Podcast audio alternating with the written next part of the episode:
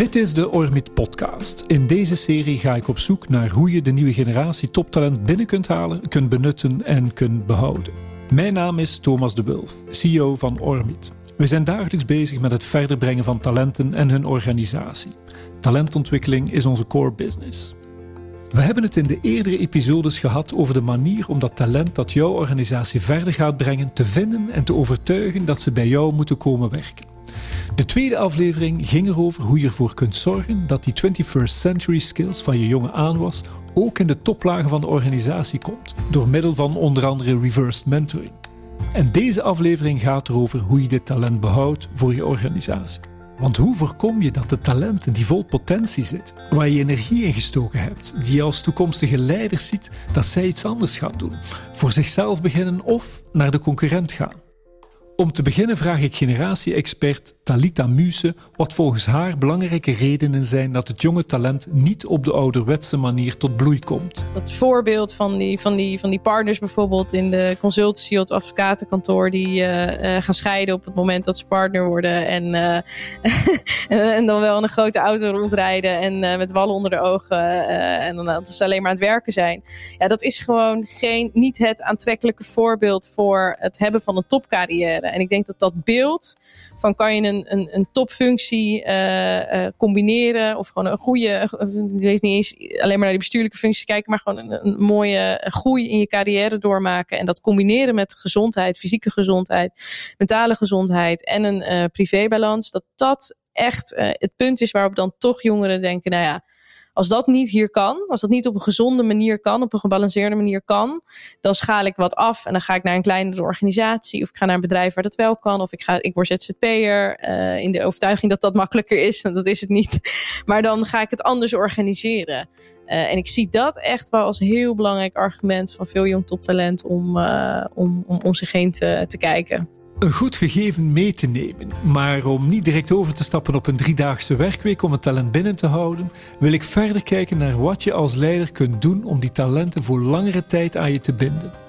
Marijne Bloem, die je eerder in deze reeks hoorde, zei het mooi. People don't leave organizations, they leave bosses. Daarom gaat deze aflevering over leiderschap. Om met een goed voorbeeld te komen, ben ik naar de nummer 1 op de lijst Best Place to Work gegaan. Dat is Dela. De CEO is Edzo Doeve. Ik ben uh, iemand die het heel fijn vindt en plezierig vindt en energie krijgt van als andere mensen zich senang voelen. Als andere mensen blij zijn met waar ze werken. Uh, dat ze bezig zijn met de ontwikkeling en met elkaar met de ontwikkeling van het bedrijf. Um, ik ben iemand die als het spannend wordt echt op de voorgrond uh, komt. En als het bedrijf in gevaar is, dan mogen ze op mij rekenen. Dan ben ik degene die echt vooraan staat en vooraan gaat in de strijd. En we zijn een organisatie die vaak in het nieuws komt en dan moet je er gewoon zijn. Maar voor het overige is de kwestie van faciliteren en vooral, vooral mensen het gevoel geven van veiligheid en vertrouwen. Het vertrouwen daar gaat heel ver. Dat mensen zeggen van je moet vertrouwen verdienen, dat vinden wij totale onzin. Dus mensen beginnen gewoon meteen een geweldige dosis vertrouwen. Dus dat ze echt van alles kunnen. En we geven vanaf de eerste dag mee van jij bent geweldig. Um, Tenzij het tegendeel op bewezen wordt. Maar goed, vanaf ze beginnen, krijgen ze ruimte en vertrouwen. Uh, en krijgen ze opdrachten waar ze echt ja, uh, zich lekker vast kunnen bijten. Waar ze het gevoel hebben van, uh, ik mag het verschil maken. Een voorbeeld van het vertrouwen dat Edzo en zijn directie heeft in de eigen mensen is hoe ze de nieuwe koers voor de komende jaren ontwikkeld hebben. Je hoort Edzo's collega Roos Fleuren. Zij is de directeur HR van Dela. Dus wij hebben onlangs uh, de nieuwe strategische koers uh, bepaald voor uh, tot 2025. En de start daarmee om die nieuwe koers te bepalen hebben wij gedaan met alle medewerkers met ronde tafelsessies. Dus we hebben iedereen gesproken over wat heb je geleerd in de afgelopen jaren, hoe heb je dat gevonden en waar vind jij dat wij als bedrijf, waar we met z'n allen naartoe moeten. Nou, dan komen hele mooie dingen op tafel en Um, uh, en uiteindelijk vormt zich dan een nieuwe koers en een nieuwe strategie. En uh, de mensen voelen dat ze daarin zijn meegenomen. En dat maakt ook dat je trots bent. Ook volgens Talita Muse is het van groot belang dat directies hun mensen en zeker hun jonge talenten mee laten denken over oplossingen. Ik, ik sprak een, een, zorgorganisatie tijdens de coronacrisis die uh, echt uh, nou, hele zware besluiten moest nemen over het indelen van mensen. Dus eigenlijk moest gewoon top-down worden besloten. Dit worden de roosters de komende periode, omdat ze natuurlijk moesten op, opschalen, bijschalen voor. dus dat is echt urgent. En toen hadden zij, de directie, toch ervoor gekozen om de aantal opties voor te leggen ook. En de, eerlijke, het eerlijke verhaal eigenlijk van, nou ja, dit is wat de, de, de crisis waar we nu voor staan. Uh, eigenlijk betekent het dat, uh, dat we allemaal harder moeten gaan werken voor minder geld en op, op vervelende tijdstippen. En ze hebben dat heel open, hebben ze dat in de organisatie breed gecommuniceerd. Met, met wel, wat die bestuurders ook vertelden, met het risico dat er een hele discussie op gang zou komen. En dat iedereen een mening zou hebben over de verschillende scenario's. ze hebben ook de financiële scenario's voor het eerst gedeeld eigenlijk. Van wat gebeurt er als we echt in, in een rood, uh, rood scenario belanden met de organisatie financieel? Wat heeft dat dan voor consequenties voor, voor het personeel? En dat vond ik heel moedig. En wat er eigenlijk gebeurde is dat ze zeiden van ja, iedereen toonde zich zo solidair. Iedereen zei van nou ja, als we in dat rode scenario belanden, dan, uh, ja, weet je, dan, dan gaan gewoon maximaal alles op alles zetten om dat, om dat te voorkomen en rooster ons maar in. En we gaan er vol voor. En dat vind ik wel mooi teken van als je, als je vertrouwt dat mensen om kunnen gaan ook met de kwetsbaarheid en met bepaalde gevoelige informatie. En dat je echt niet alles uh, altijd top-down hoeft te, uh, te besluiten. Mensen hebben veel meer begrip voor, voor situaties. Ik denk dat dat ook deze tijd wel leert van. Um, uh, we, kunnen, hoeven, we moeten niet eens van het bestuurders te verwachten om alles met elkaar en met zes, zeven mensen te beslissen. Mensen die, die verlangen denk ik naar een beetje kwetsbaarheid van oké, nou dit is hoe we ervoor staan. Jullie weten het dus ook niet helemaal of het goed gaat komen met onze baan. Maar dat is prima, dan gaan we het dus samen doen. Ik denk dat, dat, uh, dat die kwetsbaarheid uh, steeds meer ook, en die openheid en transparantie ook steeds meer van deze tijd is. En dat is zeker wat de jongere generatie ook, uh, ook verlangt. Je hoort Talita meermaals het woord kwetsbaarheid zeggen. Dat is een belangrijke eigenschap en volgens haar moeten leiders die kwetsbaarheid ook tonen. En misschien komt dat wel doordat de millennial daar zelf ook veel moeite mee heeft. Dus heel dubbel. Aan de ene kant is het dus een een, een generatie die heel sterk staat en een verhaal klaar heeft, maar dan het heel moeilijk vindt om de persoonlijke eerste stap te zetten. Dus dan echt een collega gewoon, want dat is vaak de eerste stap. Je moet iemand gaan bellen en diegene moet je meekrijgen in hè, wat jij uh, wil opzetten of wil uh, beginnen. En dat, dat het persoonlijk worden dat. Ze kunnen prachtige presentaties maken en dingen online gooien. Maar dan gewoon op het menselijk vlak uh, een leidinggevende of een collega bellen. En persoonlijk en kwetsbaar durven worden. Van uh, dit is mijn idee, wil je me daarbij helpen of in steunen? Dat vinden ze vaak de allermoeilijkste stap. Omdat ze dan ook die faalangsten. Dan zijn ze echt bang afgewezen te worden. Talita zag wat er gebeurde toen een CEO haar eigen onzekerheden deelde met de jonge generatie uit haar bedrijf. Ik was uh, een tijdje geleden ook bij een dialoog tussen bestuurders van een uh, groot verzekeringsbedrijf en de jongeren intern.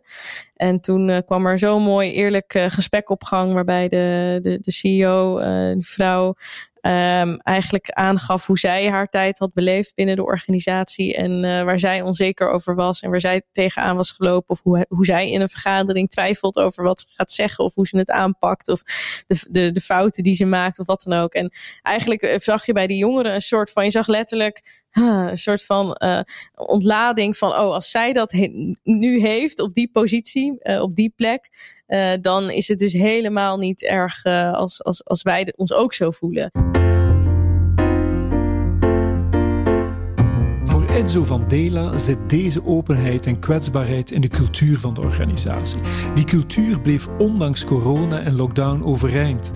Dat bleek ook uit het Great Place to Work onderzoek, ook dit jaar in de coronatijd. De laatste vraag, alles overziend, wat vind ik van mijn werkgever, is nog verder gestegen en zit op een all-time high van 94 op de 100. Dus dat is hartstikke mooi. Dus het gevoel van saamhorigheid is heel sterk gebleven. Weet je, alle communicatie bij ons begint binnen. Dus alle communicatie is gewoon eerst gewoon zorgen dat iedereen eerst nog beter geïnformeerd is dan wie dan ook buiten. Um, en online kun je gelukkig ook heel veel mensen gewoon nog steeds goed geïnformeerd houden. Uh, alle leidinggevenden hebben een behoorlijk mooi uh, ritueel ontwikkeld van elke week uh, met, met iedereen praten.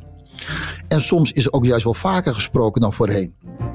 Um, het is ook zo is dat vanwege de corona uh, vind ik alsof, alsof er een resetknop is ingedrukt. Je, je komt toch iets meer tot bezinning. Je gaat een aantal dingen opeens nieuw bevragen.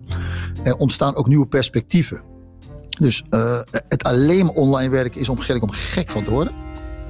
Maar het feit dat je soms ook die dingen even anders mag bezien. En anders met elkaar over na mag denken. Zet ons ook weer op nieuwe sporen. Het is dus niet alleen luisteren, maar ook vertellen. Laat zien dat je het ook moeilijk vindt. Dat je niet alle antwoorden hebt. En uh, als er dan een besluit is gevallen, bespreek dit en als uh, eerste intern. Deze jongere generatie, die zich is meer bewust van, uh, van zingeving. Die zijn zich meer bewust van dat zingeving het doet en die willen graag betekenisvol zijn. In de eerste aflevering in deze reeks ging het al over purpose. Hoe zorg je dat je mensen echt voelen dat ze van betekenis zijn, niet alleen voor hun manager, maar ook voor de samenleving? Itzo is zich daar bewust van. Ze hebben in de gaten van, naarmate dat zo is, dat ingevuld wordt, dat het werkplezier groter wordt. Nou, uh, en ik hoop dat ze dat bij ons zo ervaren. Dat is echt zoals wij in de wedstrijd zitten. Is wij willen graag betekenisvol zijn. Dat is, weet je, wij zijn echt een purpose gedreven uh, organisatie. Kijk, wij zijn natuurlijk een, een, atypische organisatie. We zijn een coöperatie. Uh, en in die coöperatie zit een heel bijzondere, krachtige vorm van solidariteit. Die zit bij ons goed in de genen. We zijn er voor die leden en we zijn er van die leden. En daar wil je verbinding mee aangaan door de tijd. En dat is gebaseerd op wederkerige solidariteit. Oftewel, je draagt de kans lasten om vervolgens de lust te kunnen genieten. En dat doe je met miljoenen Nederlanders. En dat goed doen, is dat je dus bruggen slaat naar 3 miljoen landgenoten. Dat is al betekenisvol. Dat je daar goed mee omgaat. Dat we daarnaast ook goede doelen doen. We hebben uh, een, een, een, helemaal voor jezelf dag. Uh, je mag tijd besteden aan mantelzorg, et cetera, et cetera. Dat zijn plussen, maar in de kern gaat om is wat voor soort bedrijf wij zijn. Maar purpose, het is een term die iedereen gebruikt. Uh, ja, het is makkelijker om de term te gebruiken dan het helemaal in de organisatie door te voeren. En dat kan dan weer een reden zijn dat je talent verliest, zo weet Talita. Het zijn nu jonge mensen die al eigenlijk al op hele jonge leeftijd al van alles meebrengen aan, aan, verhalen en ervaringen en dingen die ze hebben opgezet. En ik heb daarnaast nog een, een, een, een, eh, een vintage kleding uitruil uh, uh, initiatief en een, een, een moestuinen project. En dat brengen ze eigenlijk allemaal mee. En volgens mij is dan de kunst dat je op maat eigenlijk individueel, en dat is natuurlijk super lastig, maar dat je op maat individueel mensen iets aanbiedt van oké, wat kom jij meebrengen? Wat is die waarde van dat moestuinproject? Wat haal jij daaruit? Kan je dat uh, zoveel uur blijven doen? En is dat in het verlengde van waar Ormit uh, bijvoorbeeld voor staat? Ik, ik had bijvoorbeeld een tijdje geleden uh, jonge mensen gesproken van Ahold. Die waren in hun vrije tijd, waren ze dan bezig met groenten die werden weggegooid.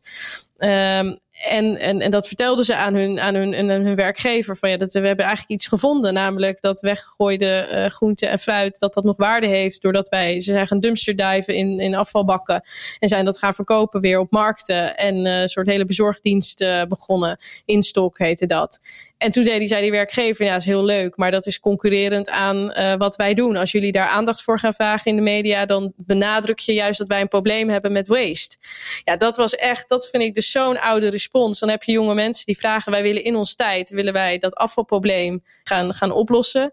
En dan zegt de werkgever, ja, maar ik wil niet dat je in mijn tijd iets gaat doen wat negatief potentieel uh, reputatierisico oplevert. Dus dat, dat gaan we niet doen. Dus toen hebben ze allemaal ontslag genomen en zijn ze daarmee doorgegaan. Uh, en, en nu is het een een super succesvol uh, initiatief rondom food waste. En ik denk dat dat, dat op tijd signaleren van wat, wat brengt de jonge generatie als ze bij ons starten al, al mee? Wat, wat, uh, oh, je hebt een Instagram-account met 10.000 volgers. Wat doe je daar dan op? Hoe kan je dat misschien inzetten voor ons bedrijf? Misschien kan jouw baan deel zijn dat je dat verder uitbouwt en deels een link met ons maakt. Dus je, je moet ze niet in de positie brengen dat ze moeten kiezen uh, dat, voor die baan en daarmee stukjes van zichzelf thuis moeten laten of verwaarlozen of uh, minder kunnen doen. Ik denk dat op het moment dat ze dat, dat, dat gebeurt, dat dat opstapelt en dat ze dan op een gegeven moment denken: nee, nu ga ik toch weer voor die andere dingen kiezen. Edzo geeft zeker ruimte voor andere zaken dan het werk.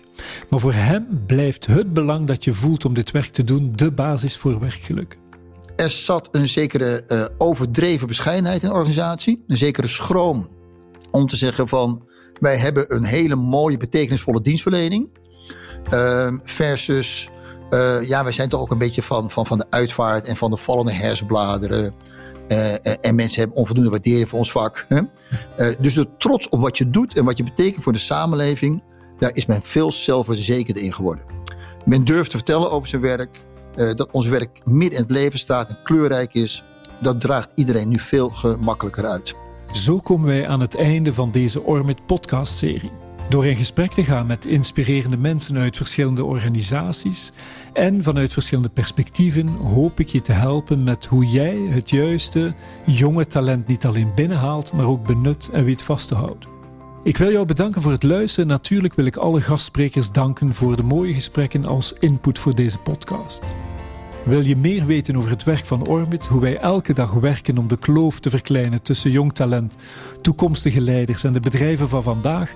Neem een kijkje op onze website www.ormit.nl. Wanneer je het leuk vindt in gesprek te gaan over talentontwikkeling en leiderschap, of je bent nieuwsgierig naar andere onderwerpen voor volgende afleveringen, laat het ons dan weten via onze website of stuur ons een berichtje op LinkedIn. Tot binnenkort.